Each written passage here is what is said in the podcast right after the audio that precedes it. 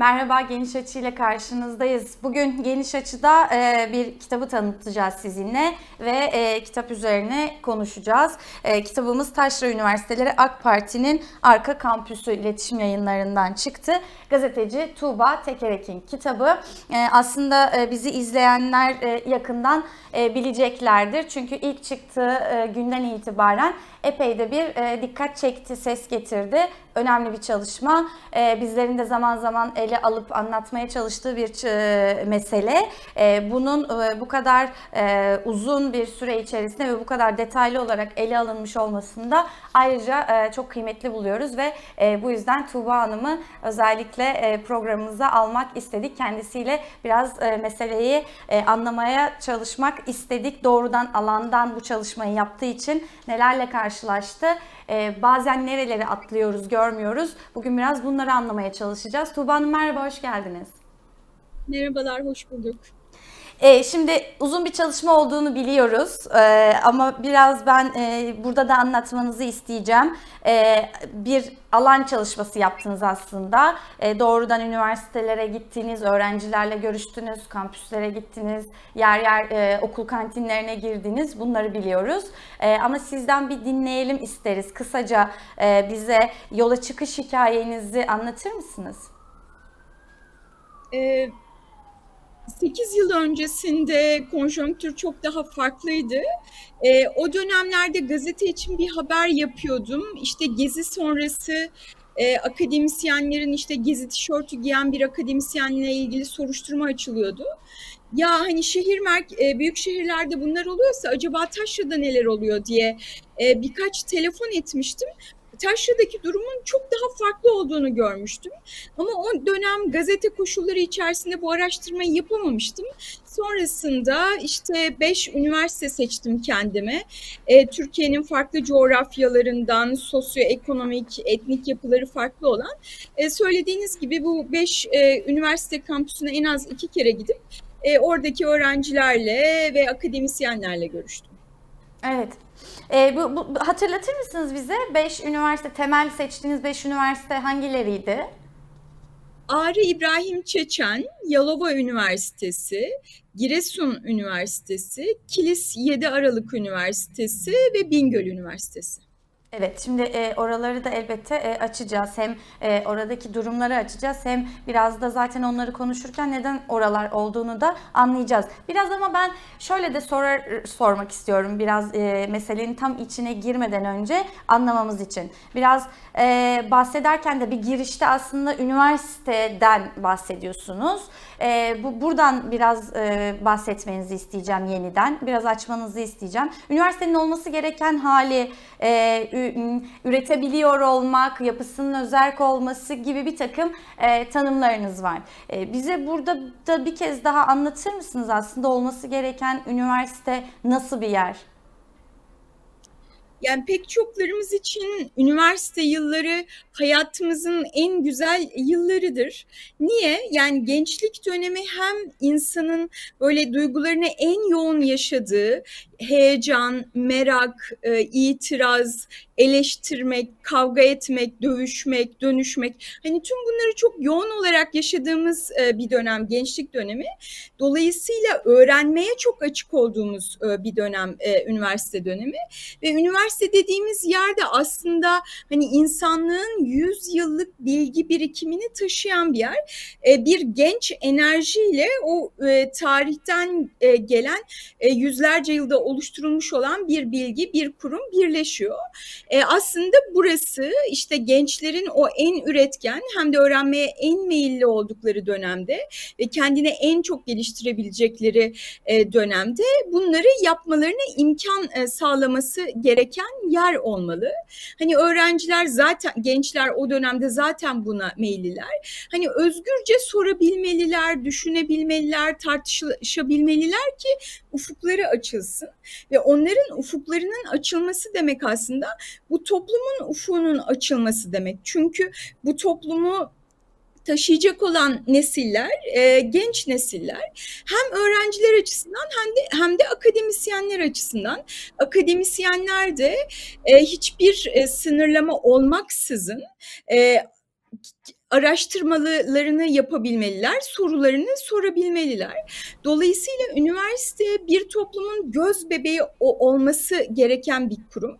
E çünkü hani genç nesiller oradan e, yetişiyor. Akademisyenler hani geleceği belirleyecek olan araştırmalarını, çalışmalarını e, orada yapıyorlar. Dolayısıyla yani akademik özgürlük, özgürlük dediğimiz şey hani üniversitenin en olmazsa olmaz e, kısmı.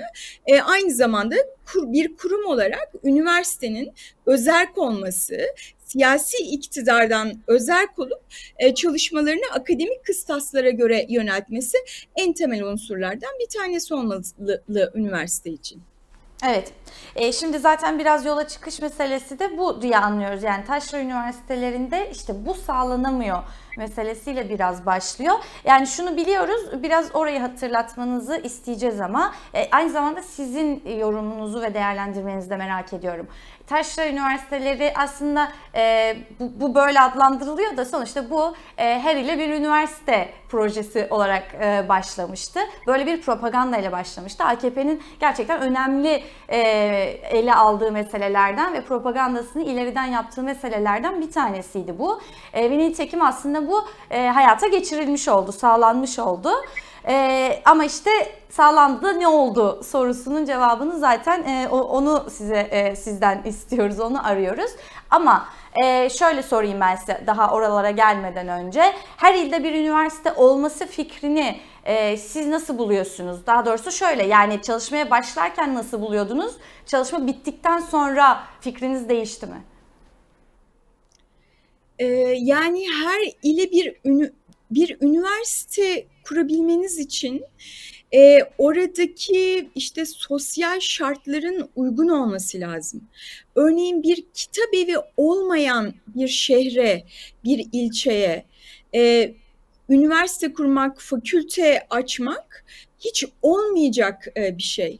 Ya da sinema salonu olmayan bir ilçeye e, sinema e, bölümü kurmak, iletişim bölümü kurmak hiç olmayacak bir şey. Yani her ile bir üniversitenin orada eğitim verebilmesi için hani orada en asgari koşulların olması gerek. E, oralara gittiğimde bu en asgari koşulların sağlanamadığı yerlerde üniversite açıldığını gördüm. Dolayısıyla bu şartlarda her ile üniversite açılmamalı. Dahası yani hani 2006 yılında her ile bir üniversite diye başlıyorlar. E, önce 41 üniversitesiz ile üniversite açıyorlar. Sonra üniversitesi olan illere yeni üniversiteler açıyorlar. Sonra ilçelere yani üç ilçeye üniversite açılmış durumda bugün Türkiye'de. E, ilçelere üniversite açıyorlar. Ayrıca ilçelere ve hatta beldelere işte yüksek okullar, meslek yüksek okulları açılıyor. Hani tüm bunlar da e, yani çok açık ki buralarda bir üniversite eğitimi için asgari şartlar yok. E, dolayısıyla temel meselenin üniversite eğitimi olmadığını gösteriyor bize bu tablo. Peki AKP için neden önemliydi bu projeyi hayata geçirmek? Yani AKP'nin burada belli hedefleri olduğunu görüyoruz. Örneğin siz bir ile ya da ilçeye, üniversite, üniversite birimi açtığınızda oraya bir kaynak dağıtım merkezi götürmüş oluyorsunuz. Yani orada o, o üniversitenin bir bütçesi var. E, ihaleler yapılıyor. İhaleler yoluyla tabii ki AKP'ye yakın e, iş insanları o ihaleleri alabiliyor. Ya da diyelim ki üniversiteye temizlik görevlisi alınacak. E, binlerce başvuru yapılıyor. Bu binlerce başvuru arasından kura çekiliyor önce ve sonra o şanslı kişi bir mülakata sokuluyor. Eğer e, temizlik görevlisi ya da kalorifer e, yakacak e, kişi e, olacaksa bile ve mesela o mülakata girdiğinde e, bir AKP'ye üyeyse AK Parti'ye üyeyse işe alınması daha muhtemel. Muhalif bir partiye e, üyeyse hiç de değil ya da akademik kadrolar önemli bir istihdam alanı. Daha önemlisi e, işte bugün e, pek çok e, kırsal alanda e, eskiden kazanabildikleri gibi tarımdan, hayvancılıktan kazanamıyorlar. Dolayısıyla öğrenciler üniversite tarımın, hayvancılığın yerini alabilecek bir sektör e, e, gibi görülüyor neredeyse. Öğrenciler şey diyorlar yani e, biz e, gittiğimizde bakıyoruz esnafın gözleri dolar dolar oluyor diyor. E, ya da bu konuda enteresan e, bir şey e, hikaye bence. E, Giresun Üniversitesi 2014 yılında e, geç açıldığında 3 hafta buna karşı çıkan e, Giresun Otel ve Kahveciler Odası oluyor. Yaptıkları açıklamada bu sene zaten fındıkta iyi gitmedi. Şehrimizde para sirkülasyonu yoktur. E, yöneticiler e, bu konuda derhal bir açıklama yapmalı diyorlar. Yani ekonomik kısım e, önemli faktörlerden bir tanesi. Diğerlerini şimdi kısaca söyleyeyim belki açarız. E, diğerleri işte 81 ilde AK Parti'nin e, ideolojisi doğrultusunda konuşacak e, akademisyenlere sahip olmak. Örneğin bir 8 Mart olduğunda işte bir panel yapıldığında e, AK Parti çizgisinde 8 Mart e, konuşması yapacak olan profesörler olması. E, bir üçüncüsü ki bu en önemlisi belki de dindar ve milliyetçi nesiller yetiştirmek. E, dindar ve milliyetçi nesiller yetiştirilemiyorsa da en azından gençleri kontrol altında tutmak, belli bir e, çerçeve içinde bulundurmak. E, din konusuyla bağlantılı bir nokta. Üniversitelerde dinle bilimi yan yana getirmek, e, işte Kur'an kursuyla fakülte dersini iç içe geçirmek gibi şeyler olduğunu görüyoruz. Yani bilimle dini yan yana getirip iç içe geçirmek hani böyle bir e, şeyi de bakışı da e, bilinçlere yerleştirmek e, gibi bir hedef olduğunu söyleyebiliriz belki. Peki şöyle e, yapalım istiyorum ben. Şimdi tam bu maddeler üzerinden aslında yani kitapta cevabı olan ama e, burada açmanızı isteyeceğim. E, birkaç soru soracağım. Onları böyle kısa kısa geçelim istiyorum. Yani böyle hemen tık tık cevapları var çünkü. Şimdi e, konuşacak profesörlerin e, var olabilmesi meselesinde yani peki ama zaten bu üniversitelerde profesör var mı? E, profesörler az sayıda olmakla birlikte var. E, de, en başta konuştuğumuz gibi bu her ile bir üniversite politikasıyla başladı. Dolayısıyla 16 yıl oldu. Yani bu 16 yılın içerisinde o vakitte doçent olanları mesela hızlıca e, profesör yaptılar. Dolayısıyla oralardaki profesör kadroları yavaş yavaş doluyor. Ama dediğim gibi yavaş yavaş ve parçalı bir tablo var. E, profesörlerin olmadığı hatta hocaların olmadığı yerler var. Hani kısa kısa dediniz bilmiyorum uzatıyor muyum ama evet, e, yani bu e, Munzur Üniversitesi Psikoloji e, bölümü hani bırakın e, profesörü e, psikoloji bölümünde psikoloji bölümünde eğitim görmüş öğretim üyesi yok. İki tane doktor öğretim üyesi var. Birisi felsefeci, diğeri de hemşire. Evet. Ee, başka üniversitelerde de bunu görüyoruz ama değil mi? Yani e, o dersin uzmanı olmayan öğretmen ders boş kalmasın diye geliyor, kitaptan okuyor, öğrencilere anlat, anlattırıyor gibi pek çok örnek vermişsiniz kitapta. Evet, örneğin e, mesela e, çok ders veren hocaların slide e, önemli bir eli ayağı diyor hocalar. İşte slide makinesi bozuldu mu hocanın eli titriyor diye anlatmıştı e, bir öğrenci. Slide'den çünkü yani bu hocaların bir kısmı e, işte slaytları diyelim ki asistanlarına hazırlatıyorlar. Yıllarca aynı slaytları kullanıyorlar ve slaytta ne yazıyorsa onu okuyorlar, geçiyorlar. Çünkü o hocanın o alanda bir uzmanlığı yok. Yani hani ya kitabı okuyup gelip anlatacak, ona da belki pek zaman ayırmak istemiyor ya da o kadar ders verdiğinde zamanı olmuyor. İşte slayttan okuyor, geçiyor ya da işte konulara ayırıyor ve her hafta bir öğrenciye ya da öğrenci grubuna anlattırıyor. Taşra Üniversitelerinde bir kısım öğrenci e, eğitimini bu şekilde alıyor. Ee, öğrenciler hatta ne diyorlardı buna? Joker hoca diyorlardı değil mi? Böyle joker hocalar... e, tüm dersler hocası yani eskiden tüm dersler kitabımız vardı. Onun gibi tüm dersler hocası var diyor. İşte Ağrı Üniversitesi'nden bir örne hocayı örnek vermiştim. Şimdi tam olarak hatırlayamayacağım e, hangi yıldı ama bu hocanın verdiği dersler arasında mesela din kültürü dersi de var. Avrupa Birliği dersi de var. İlk çağ tarihi de var, bilim tarihi de var, işte karakter eğitimi de var. Ee, yani bir hoca uzmanlık alanı olmayan pek çok dersi verebiliyor. Evet. Ee, peki e, Taşra Üniversitelerinden mezun olan gençlerin iş bulma oranı nasıl? Şöyle e, yani Taşra Üniversiteleri ile ilgili önemli bir nokta e, pek bir kayıt tutulmuyor. E, yani aslında bir üniversitenin olması gereken en önemli kurumlarından bir tanesi Mezunlar Derneği. E, ama buralarda pek e, mezunları takip etmiyorlar ve dolayısıyla o mezunlar neredeler, ne yapıyorlar bu konuda pek bir e, bilgi yok. E, YÖK'ün de e, bu konuda ayrıntılı e, istatistikleri yok. E, ama şunu söyleyebilirim ben.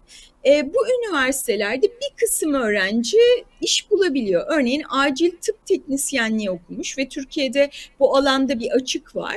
E, acil tıp teknisyeni olabiliyor bir kısmı. E, ama çok fazla bölüm var. KPSS ile geçemeyenler olamıyor. Ya da doktor e, tıp fakülteleri açılıyor. Doktor olanlar var. E, ama mesela ilaç pazarlama okumuş öğrenci ve sonrasında gidiyor babasının ototamir e, atölyesinde çalışmaya devam ediyor.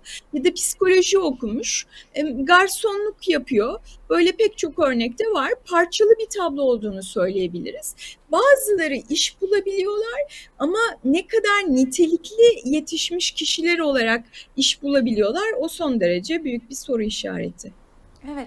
Şimdi e, önemli meselelerden biri de aslında şu dönem dönem e, çeşitli raporlar ve araştırmalar e, yapılır ya bunlardan bir tanesi de e, işte gençlerin dine karşı yaklaşımındaki e, değişimi incelemek üzerinedir. E, şunu biliyoruz aslında son yapılan çalışmalarda da özellikle birkaç yıl öncesinden e, bahsedelim. Gençlerin dine karşı artık daha sorgular hale geldiği, işte mesela deistliğin yaygınlaşmaya başladığı gibi bir takım araştırma sonuçlarını görüyoruz. Siz bu sürede bu üniversitelerdeki gençlerde böyle bir değişim ya da böyle bir sorgulama gördünüz mü, hissettiniz mi? Ee, evet, şunu söyleyebilirim. Ee, bazı öğrencilerle konuştuğum zaman mesela şey diyorlar, e, işte ben ateizm, e, işte farklı şeyleri merak ediyorum diyor mesela. Ben işte agnostizm, deizm böyle şeyler mi diyorum? Yok diyor mesela paganizm bunu merak ediyorum falan diyor. Yani farklı şeylere e, ilgileri olduğu kesin. E, yani AK Parti'nin bu üniversitelerde ya da genel olarak sosyal hayatta yaratmış olduğu e, bu dini ortam kısmen e, öğrencileri hani kısmen etkiliyor diyebiliriz ama e, önemli bir ölçüde de sorgulama olduğunu söylemek mümkün.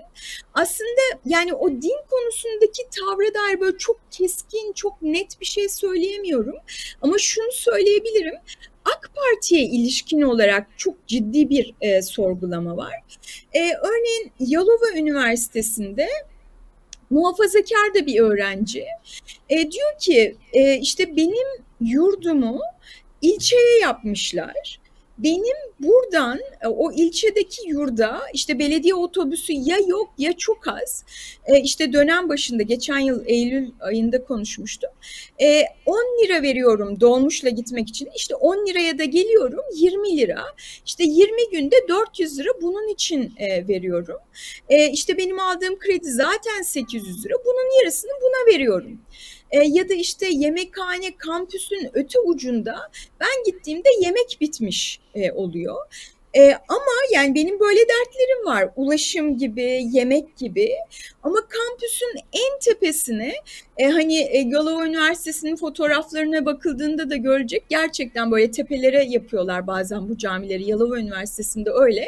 En tepeye cami yapıyorlar. Yani bizim böyle dertlerimiz varken e, bu tip şeylerin yapılması öğrenci gayet sorguluyor e, bunu. Dolayısıyla orada AKP ve AKP'nin e, din politikalarına karşı ciddi bir eleştirellik olduğunu söyleyebiliriz. Peki Tuğba Hanım, üniversiteler aslında aynı zamanda işte bir itirazın da en çok yükseldiği yerlerdir ya tüm aslında bu sorunlara karşı da yani sadece kendi sorunlarına ilişkin bile çeşitli eylemler yapma, işte basın açıklamaları yapma, e, belki işte sınıflardan toplu çıkışlar yapma gibi protestolara da şahit olduğumuz, yemekhane eylemleri, ulaşım eylemleri gibi pek çok eylemliklere şahit olduğumuz yerler aslında. E, en azından büyük üniversitelerde diyelim bunları yer yer görüyoruz. E, buralarda bu durum nasıl? Hiç bu, e, bu konuda öğrencilerle konuşma imkanınız oldu mu? Tüm bu itirazlarına ilişkin bir araya gelip bir şeyler yapmışlar mı? E, 15 Temmuz'la birlikte pek çok şey e, değişti. 15 Temmuz'dan önce öğrencilerin örgütlenmesi ve bir takım eylemler yapması daha mümkündü. E, yani 15 Temmuz öncesi e, sanıyorum hmm, e, Bingöl Üniversitesi ya da Ağrı Üniversitesi karıştırıyor olabilirim. Öğrenciler bir konuda eylem yapıyorlar. Her şey normal, her şey yasalara uygun. Bu öğrencilere şey diye hmm, soruşturma açılmıştı. İşte megafon kullanırken sanıyorum tuvaletin e, elektriğine şey takmışlar, işte fiş takmışlar. İşte siz kamu malını izinsiz kullandınız, kamu kaynaklarına zarar verdiniz diye. Hani bu öğrenciler hakkında soruşturma açılmıştı. Onlar da gitmişlerdi işte rektörlüğün önüne 3 lira 5 lira madeni para atmışlardı. Ama bu 15 Temmuz'dan önceydi. 15 Temmuz'dan sonraki dönemde özellikle doğuda, küçük illerde hani şunu söyleyebilirim. Öğrencilerin kafalarını kaldırmalarına izin verilmiyor. Ee, örneğin bir Kürt öğrenciyle e, konuşmuştum. E, işte bir e, kitap evinde konuşmuştuk onunla. Elinde Kürt Edebiyatı e, diye bir kitap vardı. İşte gayet e, legal bir yayın evinden, büyük yayın evinden çıkmış bir kitap. E, işte öğrenci diyordu ki yani bu bandrollü legal bir kitap. Ama ben bununla üniversiteye gidemem. Üniversiteye gidersem benim hakkımda bir algı oluşur diyordu. Yani işte evden çıkarken hani e, Instagram'ını kapattığını, sosyal medya hesaplarını kapattığını, hani zaten oralardan tweet falan atmıyor ama yine de kapatıyor. Yani çok ciddi bir baskı ortamının olduğunu söyleyebiliriz e, küçük şehirlerde özellikle Kürt illerinde. E, Kürt illerinden bahsederken e, biraz daha açmanızı isteyeceğim. E, özellikle Kürt öğrenciler üzerindeki e, değişimi nasıl gözlemlediniz? Yani e, bir taşra üniversitelerine bir mecbur olma hali var mı Kürt gençlerde? İki, aslında e, kitabın bir bölümünde de geçiyor. Yani dili sonradan öğrenmiş olmanın dezavantajları e, gibi meseleleri de yaşıyorlar mı? Bunları nasıl gözlemlediniz? E, Valla dili sonradan öğrenmek e, bunun etkileri iyi bir konuymuş. E, buna bakmamıştım. E, belki bundan sonra bunu da aklımda e, tutarım. E, yani Kürt öğrenciler e, evet bir yandan hani bunca yani zaten pek çok genç için geçerli bu. E, üniversite diploması artık hani peynir ekmek gibi dağıtılıyor ve böyle bir ortamda ya bizim de diploma almamız gerek diye e, gidiyor pek çok öğrenci. E, ama oradaki aldıkları eğitimden memnun değiller. Hani biraz daha şey olanlar, e, politik olarak bilinçli olanlar, e, bunun aynı zamanda işte bir Kürtlerin bastırılması olduğunu, belki asimilasyona yakın bir politika olduğunu e, söylüyorlar ve e, bu buralardaki hocalar da akademik kadrolarda milliyetçiler de önemli bir ağırlık teşkil ediyorlar. Hani yani şöyle diyebilir miyiz? Özellikle e, Kürt e, illerindeki üniversitelere e, bilinçli olarak mı böyle hocalar gönderiliyor? E, yani nasıl söyleyeyim? E, yani siz dindar ve milliyetçi nesiller yetiştirmek istiyorsunuz. Öyle bir e, politikanız var. Diğer muhalif e, kişilerin örgütlenmesini istemiyorsunuz. Siz rektörünüzü ona göre atıyorsunuz. İşte rektör dekanları ona göre atıyor. Ya da işte belli üniversiteler var. E, işte daha önce doğuda bu 16 yılın öncesinde ve ülkücü kadroların yoğun olduğunu bildiğimiz e, bazı üniversiteler var. Hani oralardan genellikle bir akademisyen e, şey oluyor, yönelmesi oluyor ve kadrolar bu şekilde oluşuyor. Evet. E, biraz aslında az önce e, satır arasında da e, geçtiğimiz bir meseleyi biraz açmanızı isteyeceğim. E, o, o, o da önemli çünkü. E, şimdi niteliksiz eğitim diyoruz. Ama bu niteliksiz eğitimi açmanızı e, isteyeceğim ben sizden. Yani öğrenciler iş bulsa da ne kadar nitelikli e, verim e, alınabiliyor e, gibi bir sorunuz da vardı az önce. E, buradaki o niteliksizlik e, olmayan şey ne öğrenciler açısından? E, yani birincisi e, işte Giresun Üniversitesi Tıp Fakültesinden bir öğrenciyle görüşmüştüm. O e, nöroloji dersine fizik tedavi hocasının girdiğini söylemişti. E, bu görüşmeyi önceki yıllarda e, yaptım. E, şu anda Giresun Üniversitesi Tıp Fakültesindeki kadro biraz e, değişti. E, ama sonuçta e, nöroloji dersini fizik tedavi hocasından almış doktorlar e, var şu anda. E, ya da e, şimdi mesela çok enteresan Ağrı, Ağrı'da kadro bulmak mümkün değil. Yani çok, çok zor orada akademisyen bulmak.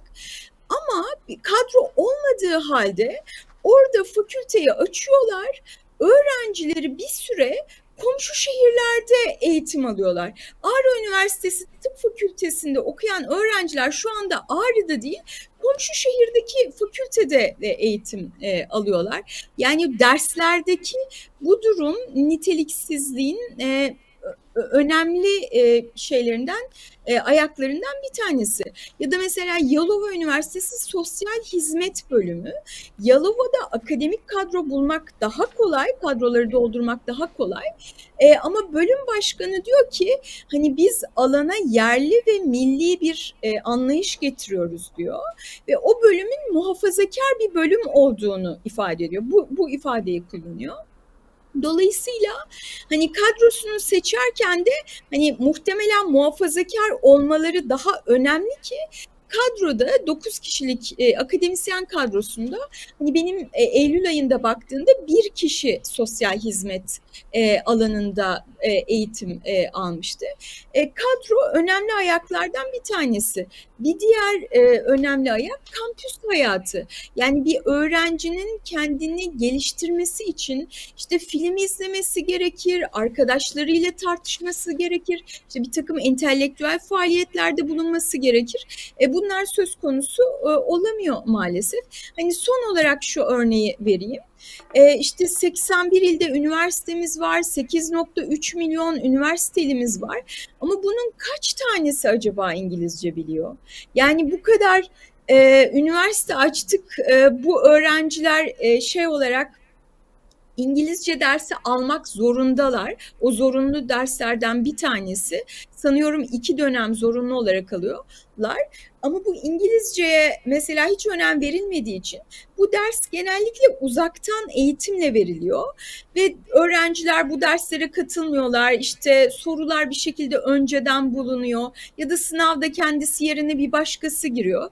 Yani aslında hani e, turizm bölümü mezunlarında da bu böyle. E, kendini ifade edecek kadar yani iki kelimeyi bir araya getiremeyecek kadar İngilizce bilmeyen e, çok fazla üniversite öğrencisi var. Ayrıca Türk dili dersi alıyorlar. Yani Türk kendilerini ifade etmek konusunda yine e, çok büyük problem. Bir diğer zorunlu ders e, Atatürk ilkeleri ve inkılap tarihi.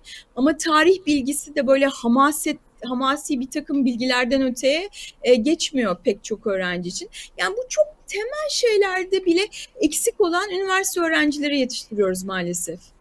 O zaman ya bu çalışmayla aynı zamanda şunu da görmüş e, olabilir miyiz? E, Eğitim elbette Türkiye'de çok uzun zamandır kanayan bir yara e, ve gittikçe de derinleşiyor. Ama yani sadece üniversiteleri kurtarmakla da iş bitmeyecek o zaman. Aslında bu kadar temel saydığınız her şey üniversiteye gelene kadar e, sağlanabiliyor olması gerekiyordu. Yani eğitim baştan sona bir arada düşünülmesi gereken. Dolayısıyla o zaman e, işte taşra üniversitelerinden yola çıkıp belki bir liseler çalışması da yapar mısınız? Liselerde durum nedir diye. Ee, ya, ya elbette üniversite öncesi de çok çok önemli. Yani işte dediğim gibi sadece diploma verelim diye işte bakın sizin ayağınıza üniversite getirdik diye üniversiteleri açıyorlar, kontenjanları büyütüyorlar, barajları ortadan kaldırıyorlar ve herkesin üniversiteye girebileceği bir ortam sağlıyorlar. Elbette ki yani herkesin üniversiteye girmek hakkı ama iyi bir eğitim almak hakkı üniversitede ve öncesinde. Yani iki, e, 2021'de e, barajı geçemeyenlerin oranı yani meslek yüksek okuluna girmek için o ilk barajı geçemeyenlerin oranı üçte birdi. Yani o en temel bilgileri bile bilmiyor öğrenciler. Hani bu bir lise mezuniyet sınavı olsaydı e, üçte biri liseden mezun olabilecek yeterlikte değildi. Hani bu örnek çarpıcı olduğu için veriyorum. Evet. Moleküler biyoloji e, bölümüne giren öğrencinin Bartın'da biyolojiden yaptığı net sıfır, fizikten yaptığı net sıfır, kimyadan yaptığı net sıfır. Yani burada çok açık ki hani bu öğrencinin üniversite öncesi eğitimine bakmamız gerekiyor. Hani eski YÖK Başkanı Yekta Sarıcı'nın da aynen bu şekilde bir demeci var. Hani üniversitelerden şikayetlerin geldiğini, e, bu programların öğrencilerin donanım eksikliği nedeniyle götürülemediğini ve dört işlemin öğrenileceği yerin e, üniversite olmadığını Yekta Sarıcı'nın kendisi söylüyor. Evet. Ee, e, yani çok çok acı gerçekten e, gerçekten çok acı. E, biraz da e, şurayı açmanızı isteyeceğim. Özel olarak e, e, e, eğil, eğilmişsiniz ve ayrı bir başlıkta açmışsınız. E, biraz kadınlar üzerinden de konuşalım mı genç kadınlar üzerinden? Yani Taşra Üniversiteleri dediğimiz zaman e, aslında ayrı bir başlık olarak da elbette ele alınması e, gereken bir mesele. E, kadınların aslında üniversiteye daha kolay ulaşabiliyor olması, ailelerini daha kolay ikna edebilir durumda olmaları bir kazanım olarak eline ele alınabilir mi? Siz bu durum nasıl gördünüz? Evet, elbette. Ee, örneğin Ağrı'nın ilçelerinden bir tanesinde diyelim ki Patnos'ta e, bir e, imam olan bir kişi e, 11 tane çocuğu var. E, bu çocuklarından işte e, birisiyle bir kız çocuğuyla e, ben görüşmüştüm. Ağrı Üniversitesi'nde öğrenciydi. Eğer ki bu üniversiteler açılmamış olsaydı ve başörtüsü yasağı kalkmamış olsaydı, başörtüsü yasağının kalkması da e, işte muhafazakar ailelerdeki kadın öğren gençlerin üniversite aç erişimi açısından son derece önemli. Yani bu e, genç kadın üniversiteye gitmeyi hayal edemezdi. Ama bu üniversiteler sayesinde şimdi pek çok e, genç kadın, muhafazakar ailelerdeki, yoksul ailelerdeki e, genç kadın üniversiteye gidebiliyor.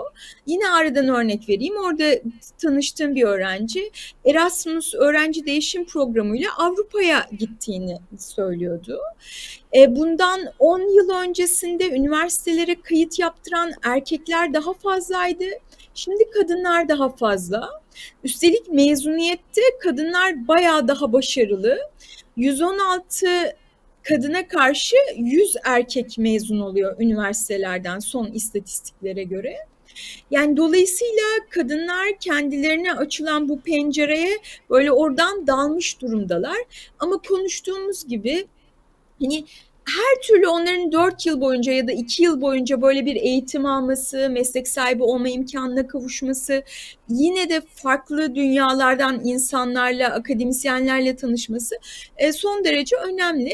Ama yine de bir üniversitenin e, sağlaması gerektiği ufuk e, açma orada gerçekleşmiyor maalesef. Orada eksik kalıyorlar. Evet. E, peki siz tüm bu gençleri kayıp kuşak olarak mı görüyorsunuz? E, gençleri kayıp kuşak olarak görmüyorum. Yani orada da yazmaya çalıştım. Gerçekten e, böyle tırnaklarıyla hayata tutunmaya çalışan insanlar olarak görüyorum. E, işte bahsettiğim Munzur Üniversitesi'ndeki öğrenci yani çok hüzünlü bir sesle diyor ki çok üzülüyorum diyor. Yani hani ben buraya geldim ve bir tane psikoloji hocam yok diyor. E, ya da bir başkası Ağrı Üniversitesi'nde yıllarca kütüphane yoktu. O öğrenci diyor ki en zoruma giden şey kütüphanesi olmayan bir üniversiteden mezun olmak diyor. Hak, ha, hakikaten çok doğru yani üniversitede okumuşsun ama o üniversitede kütüphane yok.